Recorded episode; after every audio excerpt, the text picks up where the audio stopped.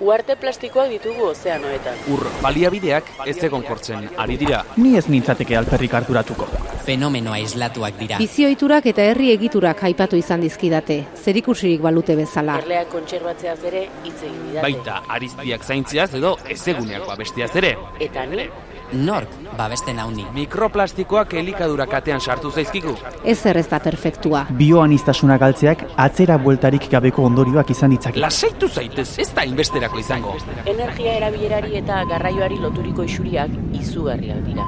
Ez du nik erabaki horrela izaterik. Aro geologiko bat markatzeko adinako eragina izan dugu. Evoluzioaren aztarna, arro, egoteko modukoa benetan. Baliabideen erauzketak arrakala sozialak handitu ditu. Zer diozu? Nik ez dut alakorik egin. Eragindako inpaktuak direla eta muturreko fenomenoak ugaritu dira. Nire inguruan ez dut hori sumatu. Euri azidoa bertan da. Bizitzak aurrera darrai. Bai?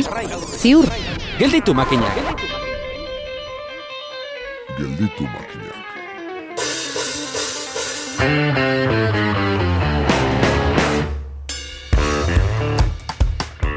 Bada erdarazko esamolde bat, amairu amalauarena egitea, dioena.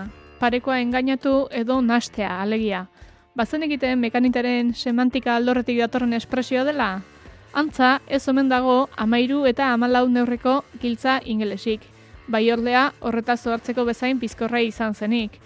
Gure mai inguruan ez dugu mekanikaririk eta ziria sartu asmoz ibiltzen direnik ere ez dut uste. Kontua da, horri markatzailea tertuliaren hirugarren eta laugarren horrien artean utzi genuela eta horrexeri heltzera gatoz. Makroetxaldeak eta hidroelektriko itzulgarrien bidetik energia izango ditugu mai gainean maite aristegi jokin aldazabal eta aitziber saroberekin. Dena esatera, saio honen exekuziorako giltza ingelesa ez dugu askorik erabiltzen, baina baditugu bestelako tresnak. Ongi dakizue pilulez ari garela bai. Gaurko atalean buru bakarreko giltza Danele Sarri Ugarte eta irakurgai gomendioa izango dugu. Adientzule amalaugarren utzita, hau baita gelditu makinak. Saioaren amausgarren atala.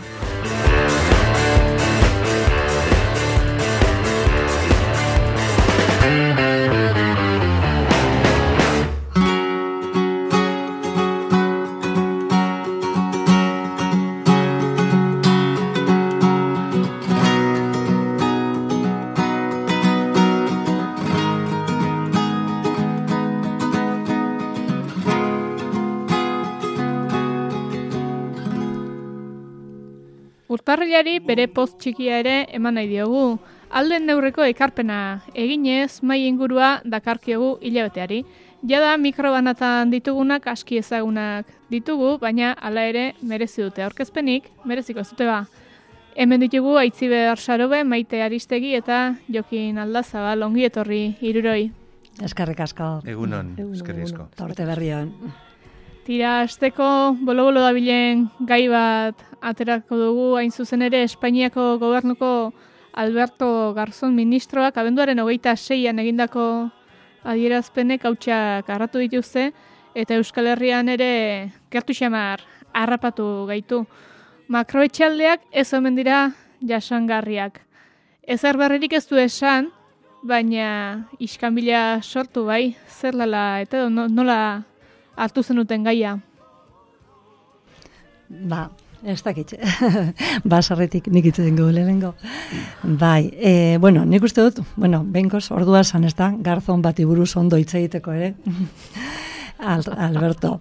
Nik uste dut opari, opari eder bat e, egin duela bere bere deklarazioak eta aukera polit bat jarri duela e, mai gainean, ez da? Bueno, danok ikusiko du ze iskanbila sortu den eta ze erabilera partidista egin den, ez? Bere deklarazioena, baina azkenean erabilera hori egiten ari dienak, ba, nik uste dut euren ba, buruen kontra e, dijoala, ez da?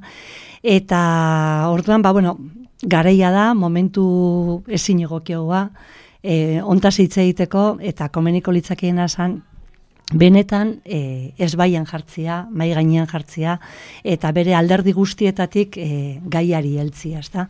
Askotan oso ba, simplismoan e, eroitzen, ero, eroritzeko arriskua da, ezta?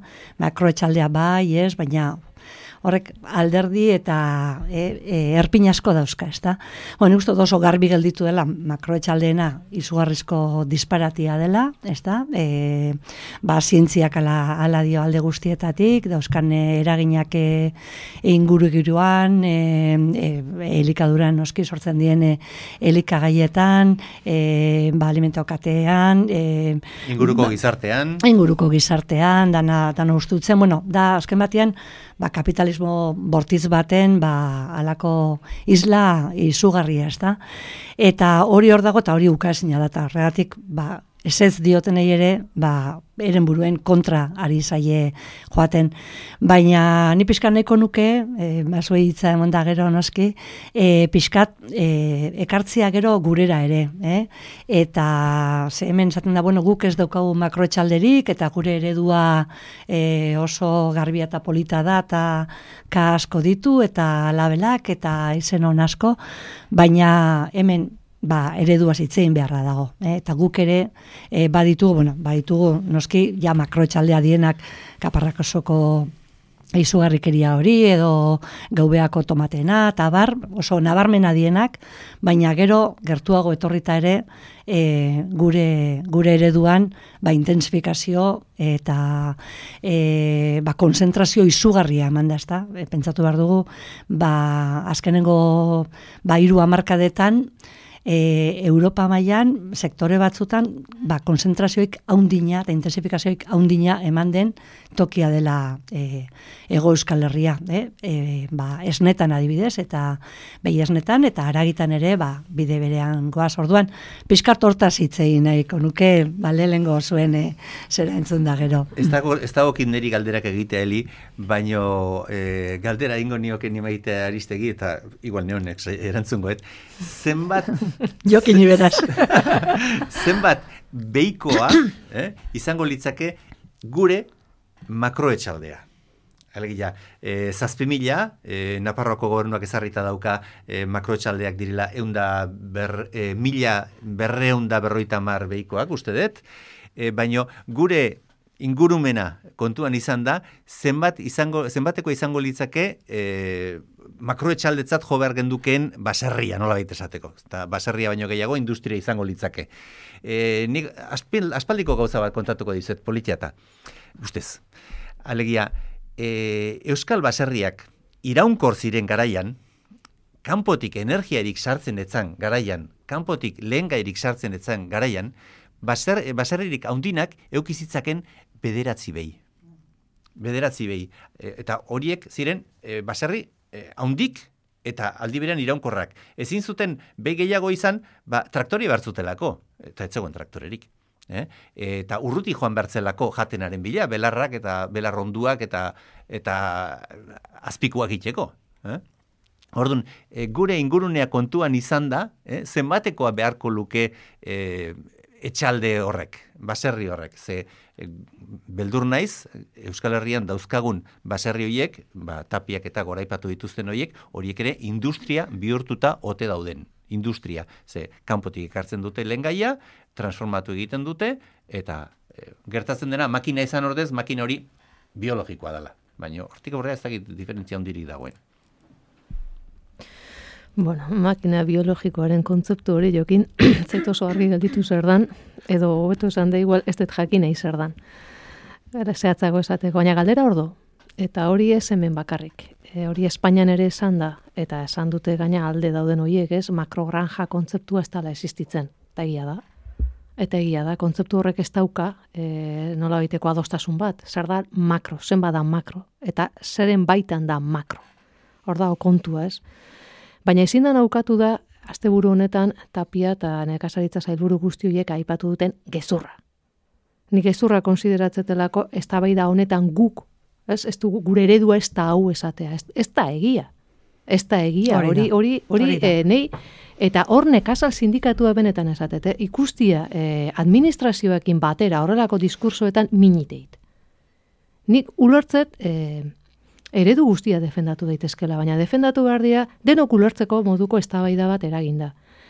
E, administrazioaren azken urtetako eredua, Maitek esan bezala argi eta garbi intensifikazioaren aldekoa izan da. Beste era bate, beste modu batea esan da, teknologiaren aldekoa izan da. Apustua hori da, era guztita gaina, hasi ikerketatik eta bukatu e, baserri hoien eta ik- batez ere ikulu hoien bilakaeran. Ba, ganadaritzaz, abetzaintzasari baldin maga orduan. E, ateratze argazki batean esan ez hori ez da gure eredua, guk horrelako arazorik ez daukagu hemen mesedez. Hori da, gezur haundi eta potolo bat. Eta berriro diote, horri ikustia aldi batetik administrazioa eta aldamenean e, ba, sektoreko ba, ez dakit gaur gaurko sindikatu edo patrona nola deitu, baina denak elkarrekin eztabaida horiek horrela nahazten, iruditzen zait gizartea nahazteko modu bat bestik ez diala. Gai hau, noizte serioa da, eta itzen behar da, eta okion mailan. Eta hor, ba, bai, erpina ezberdina daude, eta e, heldu beharko genioke gaiari bidez berdinetatik, besteak beste betiko gertatzen dalako. Guneko genuke, nik irudikatzeituten jasangarriak diran baserri hoiek, e, eta ikulu hoiek, seguru asko, eluketelako asetuko gure aragi eskaera, gaur gaurkoz gure dietak mantenduko bagenitu. Orduan, hemen ditugu e, eztabaidarako e, bueno, aldagai asko eta guzti eta serio itzen beharko genuke, baina hombre, gure diskortsuetan e, argi jokatuz da zintzoak izan da. Eredu intensifi- intensiboak e, mugak ditu baldintzak esartzen dizkionak. Eta hemengo baldintzak abertzaintzarako Holandakoak, e, Kastila Leonekoak e, eta Sevillakoak ez dira berdinak. Eta horrek jarriko ditu neurriak eta jarriko ditu ba hortako baldintzak eta hoien baitan hitz egin beharko da, baina eredu intensiboa zulartzen dugunean hitz egiten dugu e, teknologia gailentzen den eta teknologiak baimentzen duen edozen jardueraz. Eta hori gure administrazioaren apustua da dituen ondorio guztiekin. Ni beste adibide bat jarriko jokinena, igual gustatuko zaizue. Gure amama beti kontatzezun, ez, e, bere aitak, e, hori batxalak, e, irtegita eramate zitunean, goizien goizo jaikiz, epilatu, gurutze santuaren egin, emukuak endu eta bihartze zitula. Gaur hori zer da ikuluetan. Ez dut esaten, eh, kristautasunak beran dituen hmm. simboloengatik baizik eta daon denboragatik aberoiei eskaintzeko. Oin dala asko estala debekatu da hemengo ikuluetan, bustanak eta adarrak mostea, ez? bustan hoiek eta nolabait e, zikintze zutelako, zailtze zutelako behia gestea. Pasagea eredu hortatik beste hortaino, eh? Makinak bai, bai. ikusteraino, eta ez urte askotan. Intensifikazioa hori da, ikulu Bortitza batean. izan da, Claro, bortitza, bai. eta gaur gaurkoz hori esan behar da. Behi batek zenbat urte iraun ditzake. Edo zein, zein da bere bizi izan iraun ez dakit, hori beste kontzeptua, beste kontzeptua da, baina zein da behi baten bizi esperantza. Hogei bat urte maite. Usten zarko, ba, gutxiago, gutxiago. Ez ez, baina esan modu, baina ba modu lehenoko ikulu haietan. Bai, bai, bai, bai, bai, bai, claro, bai, bai, bai, hola Gaur eguneko esne behien, umaldiak urte terdira karrita daude. Bai, bai, bai, bai. Urte, e, e, ume bat eta erdira ez iristen. Eta bideratzeia hiltegietara. Hori da gaur daukagun da, bai. esnegintzako eredua. Bai, eta hemen daukagu. Hori sustatu estan, sustatu dunak esatea. Ez daukagula arazoa nekazaritzaren intensifikazioan eta batez ere abeltzaintzaren intensifikazioan bideti ba ez dakipa. Nik horratik esate, hitza gogorra izan, baina hitza gezurra da. Hitza da gezurra, gezurra. Diskurso hoiekola ezin die eraiki ze jendean hasten du. Bai, bai. Makro ez dazkaulako zazpi mila kaparrazokoa ez gain, ezke guri inguruneak bizkaian degizkoen ez du maten. Baina busti gaitezen zer nolako basarria izan genezake hemen ordun. Bueno, egin behar dana da, e, atzera buelta baten behar da. Atze, hemen aurrera joan modu horretan, galdu dugu autonomia guztia, e, galdu dugu gure lurraldearen zainketa, beste batzun menpekotasun osoa dukagu, besteak noski txikitzen eta ahultzen eta desertifikatzen, ba, egoalde globala kontuan hartuta, ez da handik ekartzen ditugu sojak eta bestantzekoak, eta, eta horrekin sortzen ditugu hanguen migrazioak eta handikoek atera beharra, osea, unditzen gabiz, kaltetzen gabiz mundu osoa eta eta baita gurea ere. Eta eta horrek ba, administrazioak eruan gaitxu, ba, enbutu hortara, eta hor sartuta daude, eta orduan ez dauka horrek, ez dauka erten bideiz, mundua bakarra da.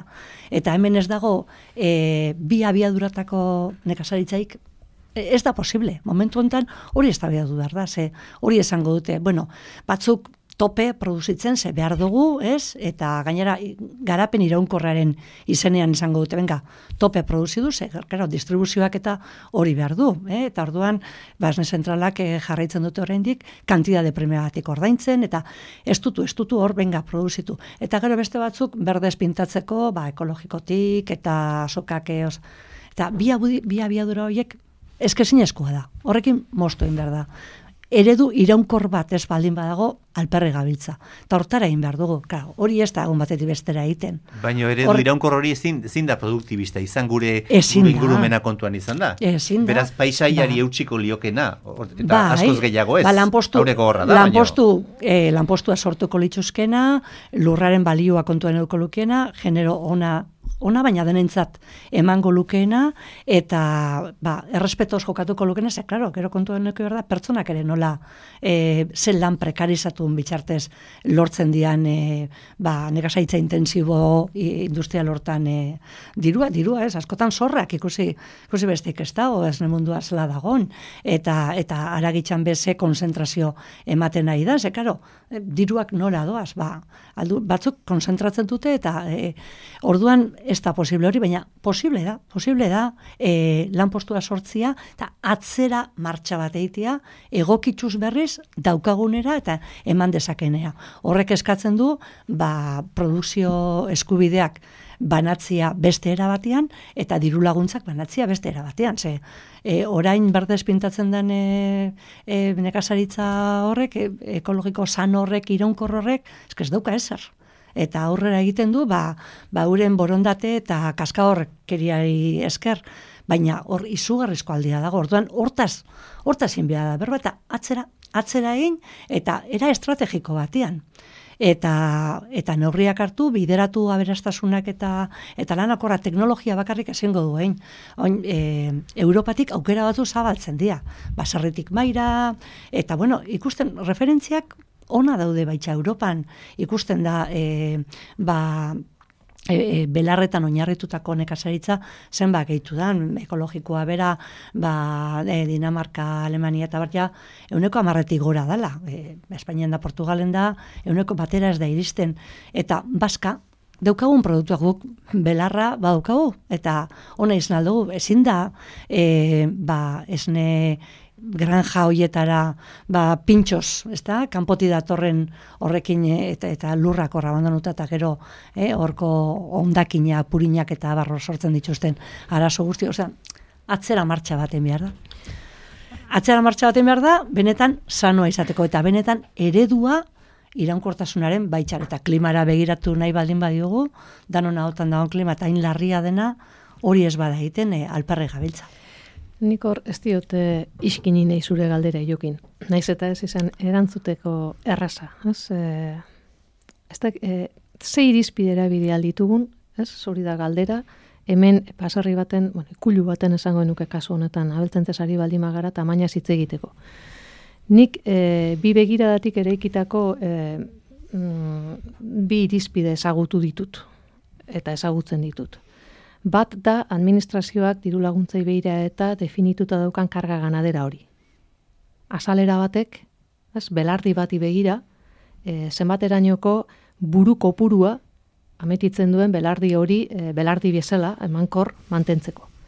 Hor, e, bueno, e, abere mota bakoitzak dauka bere, bere estimazioa, eta estimazioak dira, eta estimazioak hobetu daitezke, eta batez ere egokitu beharko lirateke. Hori erabiltzen den kontzeptu bada, eta horren baitan hitz egin daiteke ez, gure inguruneari begira, ze karga gana ze, ze abeltzaintzako puru mantendu halko genuken, e, paisaia eta ekosistema esango genuke e, osasuntxuak mantentzeko. Baina, karo, horritz egin beharko genuke e, lurraren, beraren izaeraz, eta lurroien bokazioaz esango genuke. Ze hor bestea da.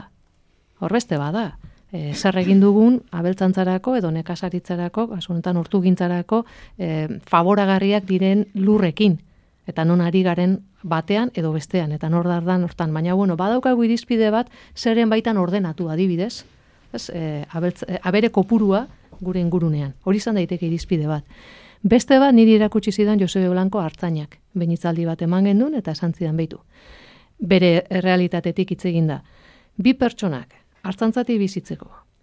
E, ia kanpotik zelikagairik sartu gabe ikulura, baizi bakoitza bere terrenetan dauzkanekin. Eta makinariaren menpeko bihurtu gabe, makinaria aliantzarako erabilita, eunda irurogei buru. Eunda irurogei ardi, dia, e, hartalde baten kopurua, ba, ardi hoiek e, maitasunez, ondo, osasuntxu, et, e, Eta hektareak, hektareak. Hektarekin naiz akordatzen, akordatzen naiz e, abe, e, zea kopuruarekin. Bai. Zatezun, bi pertsonek, hau da, eskuekin, a- e, makinaria laguntzarako erabilita, ez bai, haren menpeko bihurtuta bizik, eskuekin e, tratu hori aberei eskeniz, hartalde bat osasuntxu mantentzeko hori da jarrizun kopurua. Hori Kontua beste- da, kontua da, hor ja sartzen dela, ba, eraldaketa eta salmenta. Bai, bai, bai, argi hori, sa- hori da sartu behar dena. Osa, Claro. askotan, bakarri begiratzen diogu kopuruari, eta ez da hori. E, e, Bai, bai, ez baina gain- ni naiz makro Bai. kontzeptu horretaz. Bai, bai, Gero bai. datoz beste aldaerak. Mhm. Ez? E, eunda Bai. irurogei ardiko hartalde batekin nola bizi zaitezken gaur eguneko merkatuan. Baina hori bigarren diskusio bada. Ni ari nintzen makro hori, ez? Bai. Kopuruari begirako, eta badaude irizpideak Bai, ze limita da. sortu daitezke Mm. horri begirako antolaketa bat ere egin alizateko. Eta e, egun eskura baditugu. E, egin beharko liatekena da egokitu eta eztabaida batera ekarri. Eta bigarrengo eztabaida irikitzen den hau hori bezen garrantzitsua da. Daude horren ondori bat dira bi bat horrek eskatuko luke abelburu gutxi hau eta zeite du gure konsumoekin. Ze gainditu iteu, sagardoteen garai irikitza doa, ez?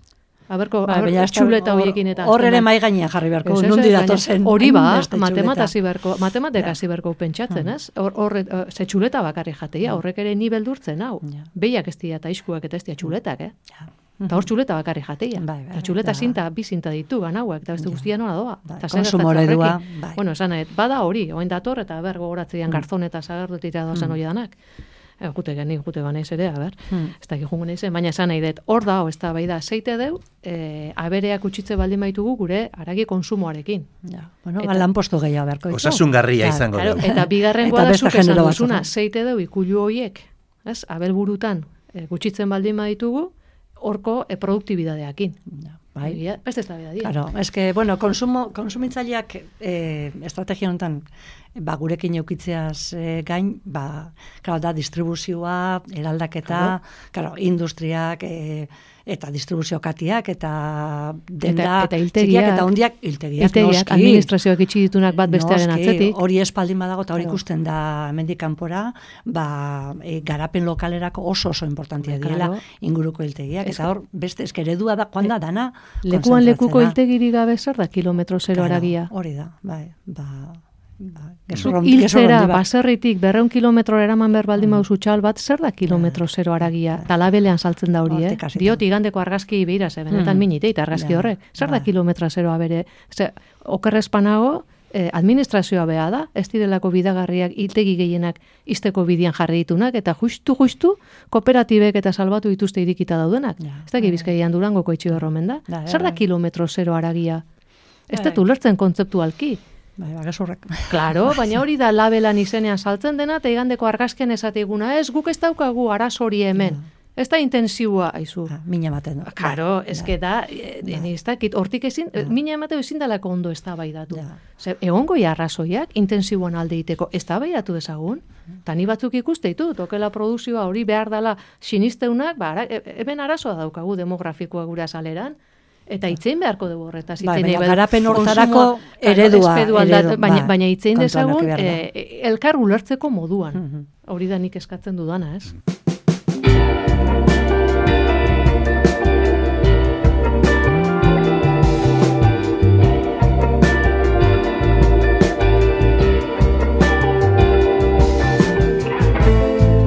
egunkario ara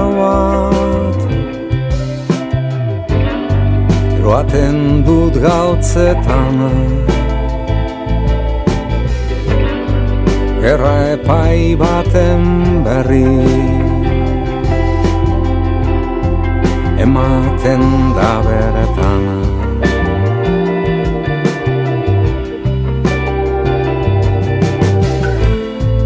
Elias eskurudia Ta bere kondena Abertzale zelako. Ilarteko pena.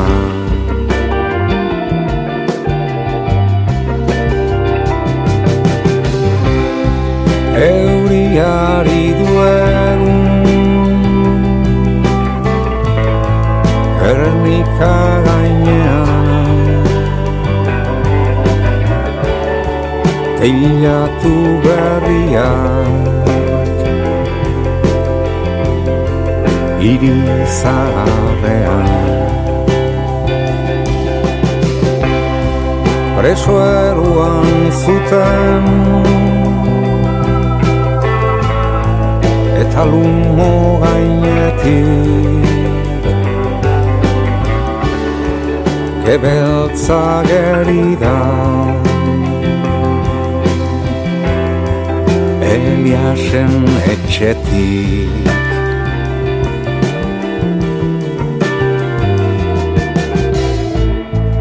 Isilik janoida Altzaiaren maian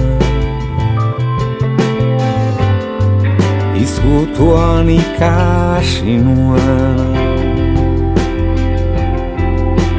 Gure kondaira.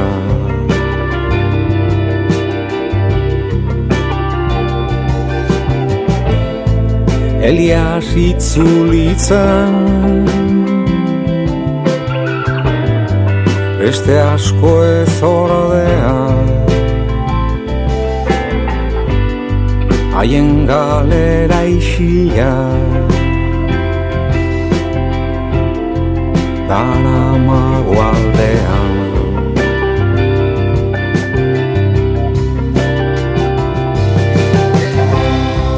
Euriari du egun. Gernika gainean Teilatu berriak Iri zaharrean Preso eruan zuten Talumo gainetik Gebeltza geri zen Eliasen etxetik Nekazari izaz eta abeltzeintza zari garela azalera aipatu duzu eta azalera eskatzen duen beste arlo bat energia da. Hidroelektrika itzulgarria aipatu da, da, zentral elektrikoak dira, baina beren bereizgarria da elektrizidadea komerzializatzea interesatzen ez bada, turbinaratutako energi ur hori berriz ere urtegira bombeatzeko erabil daitekela eta horrela ba, energia, energia potentzial gisa biltegiratzen dela. Araban badaude horrelako proiektu proposamenak, gutxi gora bera mila megabatioko potentzia eta amar gigabatio orduko biltegiratze almenekoak izango direnak. Kantitate hori sortzeak orlea izango du behalderik ezagit gaia kokatu zuen. E, alde horretatik pixka bat kokatzeatik e, gaia, e, bi alderdi ditu gutxienez hurbiltzeko e, gai honek. Alde batetik, e, kontuen euki behar deu, hau negoziotzat planteatzen dela. Ze, iken da, energia gaueko prezioan edo kontsumo urriko momentuan hartu, eta erabe, energia hori erabili ponpatzeko gora, beko urtegitik goiko urtegira ponpatzeko, eta merke lordutako ur hori erabili genezake turbinatzeko garesti dagoen orduan. Eh? Orduan alde hortatikan e, alde batetik teknikoki eraginkorra da, eh? e, rendimentua baz takiz 0,zazpikoa izan liteke, eh? e, e, hartzen den eta gero lortzen den energiaren artean, eta beste alde batetik e, ba, oso rentablea, rentablea da.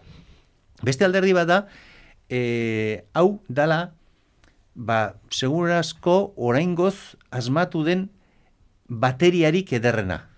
Eh? Alegia, litiozko tamaina ontako e, bateriarik ez, da, ez dago eta ez da sekula e, izango. Orduan, alde hortatik e, teknikoki e, ba, ona da eta eta interesgarria da.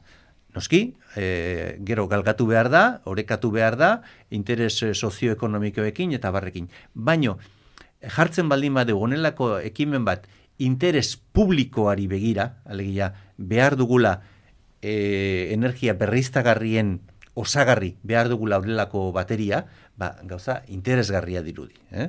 Orduan, beste konsiderazioak egin litezke, baino, baino alde hortatik interesantea da. Gero, hau dana beti bezala egiten baldin bada kapitalaren e, mesedetan, ba, ba, ba, ez ja beste, beste gauza bat da. Hm? Bai, nik uste energian, energia da aurrera behira daukagun erronkarik potentena, horre baldintzatuko ulako, ba hori ez, e, garapen edo garapen esaren, nahi baldin badeu, e, bilakaera. Eta ez da, inepe luzian gertatuko, hor daude nik uste ataka batian, eta hortik, e, ba ez, e, proiektu guzti hauen e, zera hau, lege aldaketa hau edanak, eta mugimendu hau guzti ez. Ni ados nago jokinekin. Ba, barkatu itziber, gaur bertako notizia da. E, joan den urtean euneko boskon mabosta zi omen da e, Euskal Ekonomia. Baina ez omen da, e, gehiago hazi, bi arazonen gatikan, eta ja klasiko bihurtzen ari zaizkigu, energia garesti zegoela, eta e, lehen gaien eskasia zegoela. Eh? Bai. Bai, bai, bai, krisi ekologikoan jatorriak daude hor, az, azkenean hori da, baliabide eta energiaren e, krisia, eta horri, horregatik gaude gauden egoeran, ez? Horrekiko daukagun pentsamendu eta egin, egin dugunarekin, hortan ni bueltatzen naiz jatorrira, ez? Eta jokine berak esan du, nik teknologikoki horrik e, e, hori eraginkorra izango ez da nik, esate, ez, ez, hori ez da baidatzeko irizpiderik ez daukat, gaina iruditzen zaidalako hortan arituak, e, aritu behar direla hartan, baina bai, proiektu hauen kontsiderazio sozialaz, ez? Energia berriztagarrien e, dis, e, planteamentu hau edo diskurso hau daukagun errealidade hau mantentzeari begire egiten bada jatorrian da porrota. Eztabaida hori bere jatorrian da porrota orduan. Nik uste alako ingurumen eragina izango duten planteamentu eta proiektuek behar dutela e, pauso bat atzera godon ez da bai da. Eta da hori, hau da hori guztia zertarako. Horrekin zer lortzeko.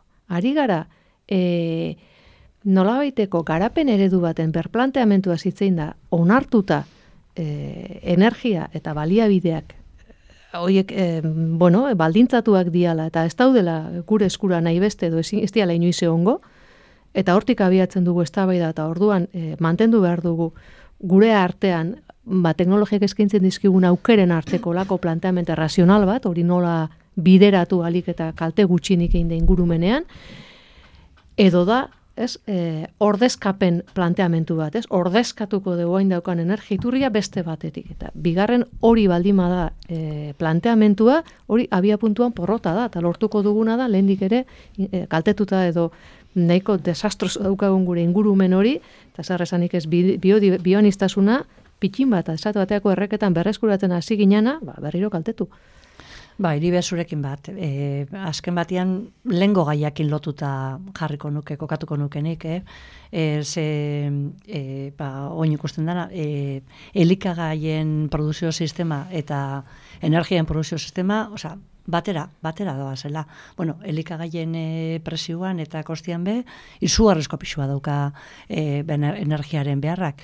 Eta oin, garapen... Barkatu emaite, barkatu, teknologizatuta dago lako. Bai, hori da, hori da. Hortara bultzatu udelako sektoria eta ba, menpekotasun izugarria dagoelako eta autonomia falta hori, baina gara, garapen iraunkor horren bidean eta orain esaten dani azken lehen gaien faltan da zera, arrisko handia dago, ba, nekazaritzen gertotako moduan, monta, ikusten nahi ga, energian zer gertatzen nahi dan, asko produzibia da, beste era batera, baina hori, bioanibertsitatean, biodibertsitatean, ba, izugarrizko kalte horiek egin da, osea, azkenian, berriz errepikatzen dugu hori, ez? Ba, hain urri daukagun hori, ba, ba galtzia.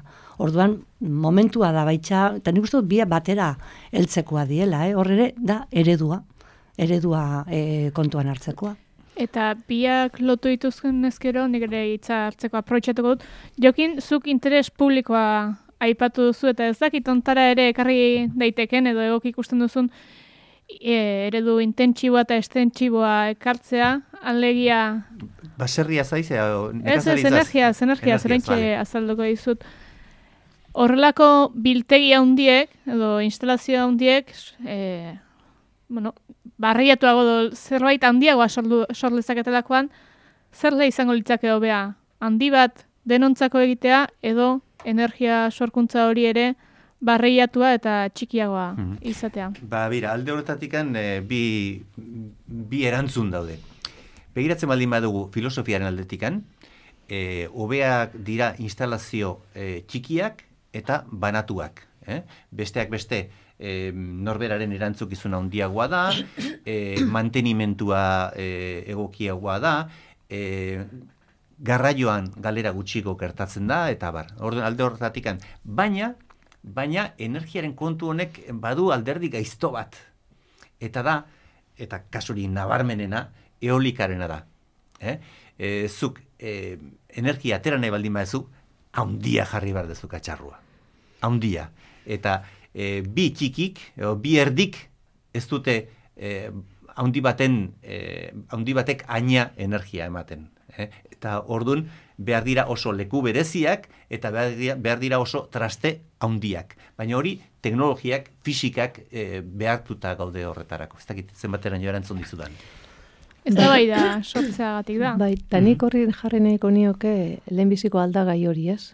Hau da, gauza bada, teknologia berak behar ditun baldintzak, ez, e, guk ne, atera nahi diogun etekin ateratzeko, baina bestea da, hori lehenesten dugunean horrekiko, ez, e, garatzen dugun begira da. Eta bueltatzen naiz, ez?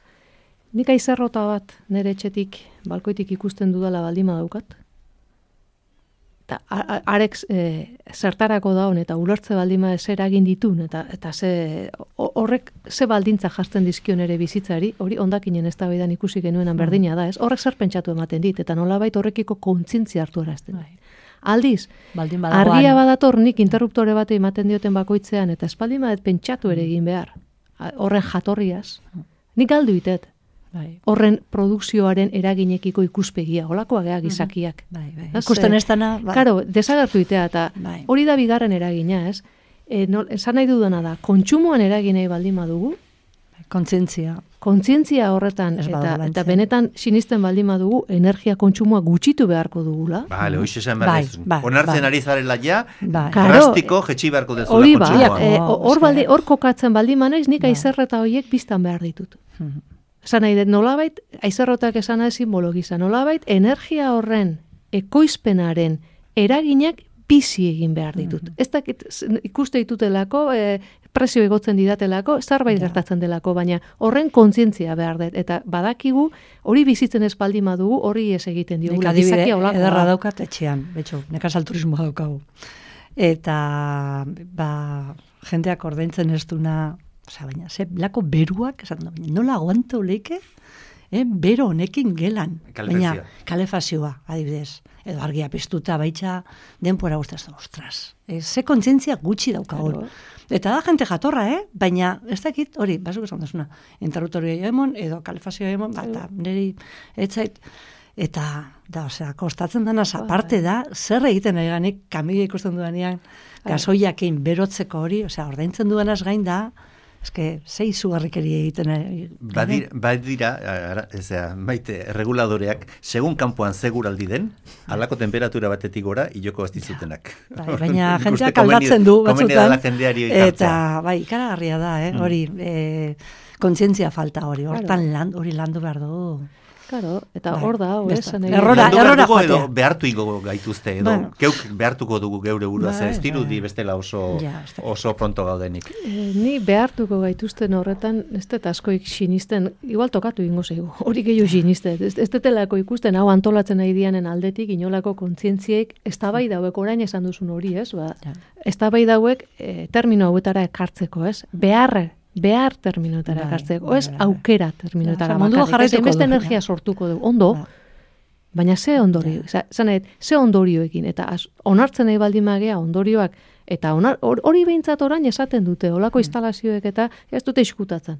Ja hori behintzat gainditu dugu, garai batian, bueno, hori ere esan, e, ondorio horiek nola ezin zian neurtu, ezin zen hori ziten, eizarretokin hori gertatzen za. Era. Ezin dian neurtu, oan ja, e, badaudela onartzea iritsi gea. Ja. Oain, onartuen behar ditugula edo asumitu, ze gau, atera behar dugu aldaketa klimatiko Ja. nola baitez. Ja, ja, baina, baina e, hori diskursoan esaten dan hori gero ez da ez da ekartzen. Hori zerta bihurtzen dan. Eragin horienek zenbaterako dien, ze aukera dauden, eta nola egin daitezken Eta bakoitzaren esku dago. Behar beharko ito, ni hortan jokinekin, hau, zerbait egin beharko du. Oso defizitarioa gea, eta bizi gehiun baino beto, eh? Bai, bai, bai. Eta defizitarioa gea, zerbait egin beharko du, baina gau, nik eskatzen dudana da, ez da eh, erpina ezberdinak landuz, ez hola, ideiak ez, mateu ideiak diala, oain hau okurritu zait, oain bihar hau, oain probatukoet, oain beste hau, a ber, zer reinaldan. Energia konsumo ludikoa. A ber, Bai, ja, bai, bai, bai, gero bai. eta gehiago entzuten da jendea planteatzen duela, abioi hartuko dut edo ez hartuko. Claro. Edo asteburutako, asteburutako eh, gasoil, gasolina Claro. konsumoa. Nik ikusten ditut, herrietan, edo zein herritan, gero eta gehiago, Hmm. Kriston autokarabanak. Ah, bai, bai. Ah, hombre, hori. Bate, ni beti, la, beti bezala lagunak ingo txute, eh? baino, baino, claro. Kontra esan batia mese gara. Eh? bai, bai. Zer da hori? Bai, bai. Zer da hori? Eta gero esate dizotan, ba, kutxinekoa gasoila dek. Bai. Bai, bai, baina hor, hor da, bai, errora joan behar da. Joan behar da, sustraira joan behar da. Claro, eta sustraian. Bai. eh, gai guzti hauetan dago kontsumoa. Bai. Eta dago kontsumoa. Eta berriro jokoet igandeko niretzat argazki lotxagarri horretara. Hmm. Eredu intentsiboarekin arazorik ez daukanak aldi berean supermerkatu handi hau jartze baldin baitu kontsumo eredu hori bueltatzeko, Ja, arazoa akabo. berak dauka Bai. kontzeptualizazioan eta, et, eta kontraesanean. Hor dago kontua, ez? Kontsumo arresten baldin badu horren ondorioak zeintzuk diran, adirazirein gabe, gero eztabaida hauetan jendearen implikazioaz eh, galdetzea alperrikakoa hutsa, da, kontraesan hutsa da. Bai, bai. Eta zeokatxatu duzu lehen eh, mikrofonoa sartu baino lehen, bos milioi eh, lanposturen galdera hori. Bai, bai, bai, Eh, atzo iragarri zutena. Ba, bost milioi hogei, ez dakit hor Bai. batzordiak. Eh, Claro, eh, kontsumoaren geiste honekin dator lanpostu asko galtzia. diela, ja. Beste erabatekoak, haiek ere kalidade eskaxagokoak eh, bihurtuko dira.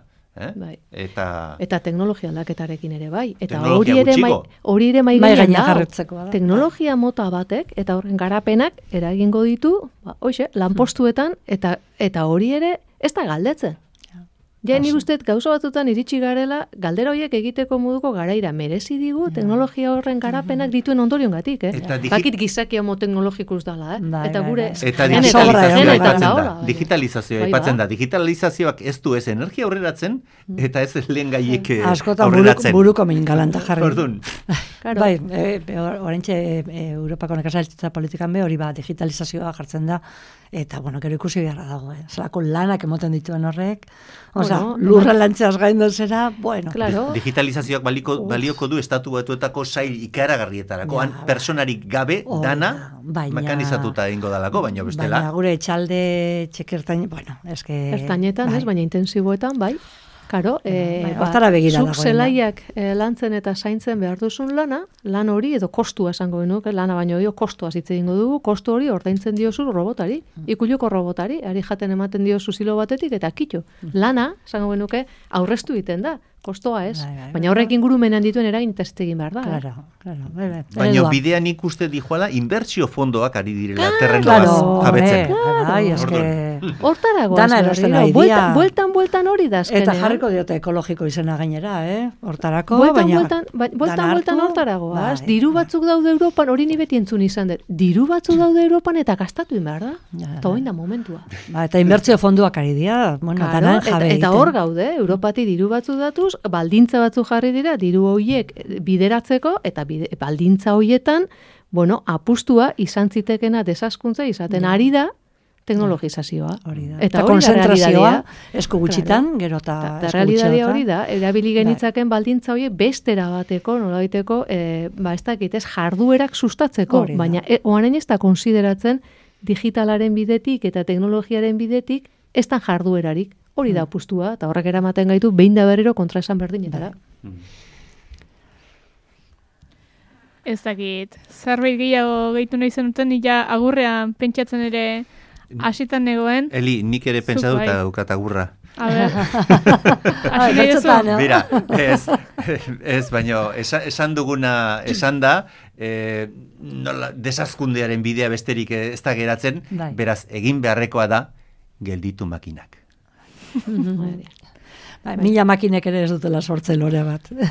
Bai, hori hola da. Eta aldi berian, irten plazara. Bai, bai. Irten plazara. Bai. uste dut hori ere behar dala. Ikustet jendea gero eta bereiztuago, edo ez dakiz esan ba. Bai.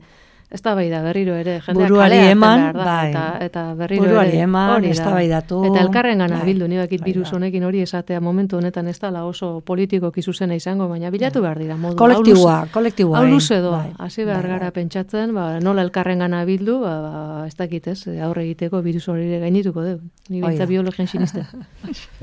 Ba, makina gelditu eta plazara atera baino lehen, mila esker hiroi gurean izategatik, mai inguruan hiru bai, baina sei belarri baino askoz gehiago onartzeagatik eta hauxe izan dugu gure azkeneko tertulia gehiagore agian izango ditugu ez behintzat guri aterik itxi. Ederki, Izan ondo. eskerrik asko. Ondo asko. Gelditu makinak, naiz irratian, elipagolarekin.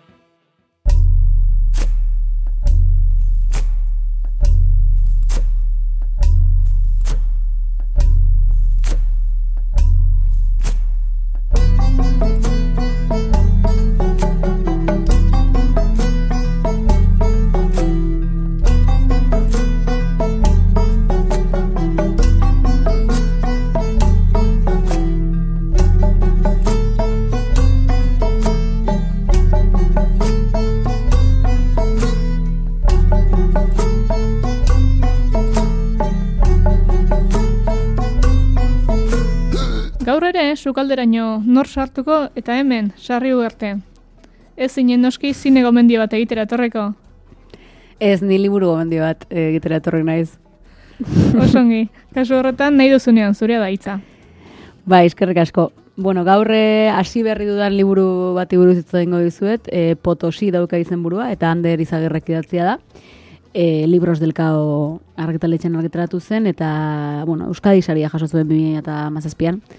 E, Libros del Kao argitaletxean kaztaritzako lanak eh, argitaratzen dira, e, ziurraski Ander Izagirren izena ezaguna egingo zaizue, beste hainbat gai buruz ere idatzi ditu liburuak txirrendularitzari buruz adibidez.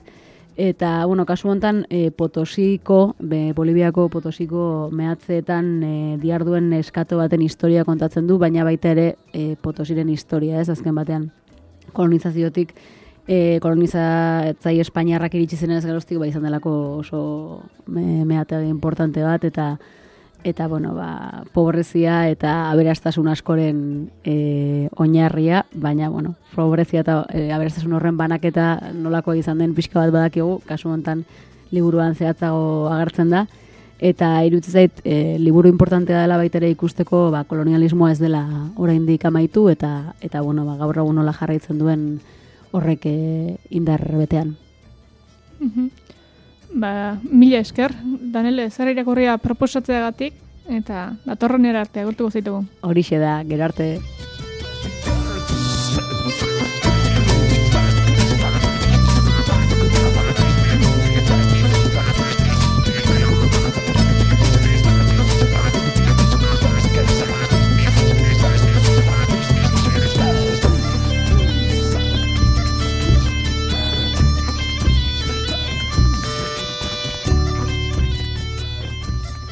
Gelditu makinak. Naiz irratian, elipagolarekin.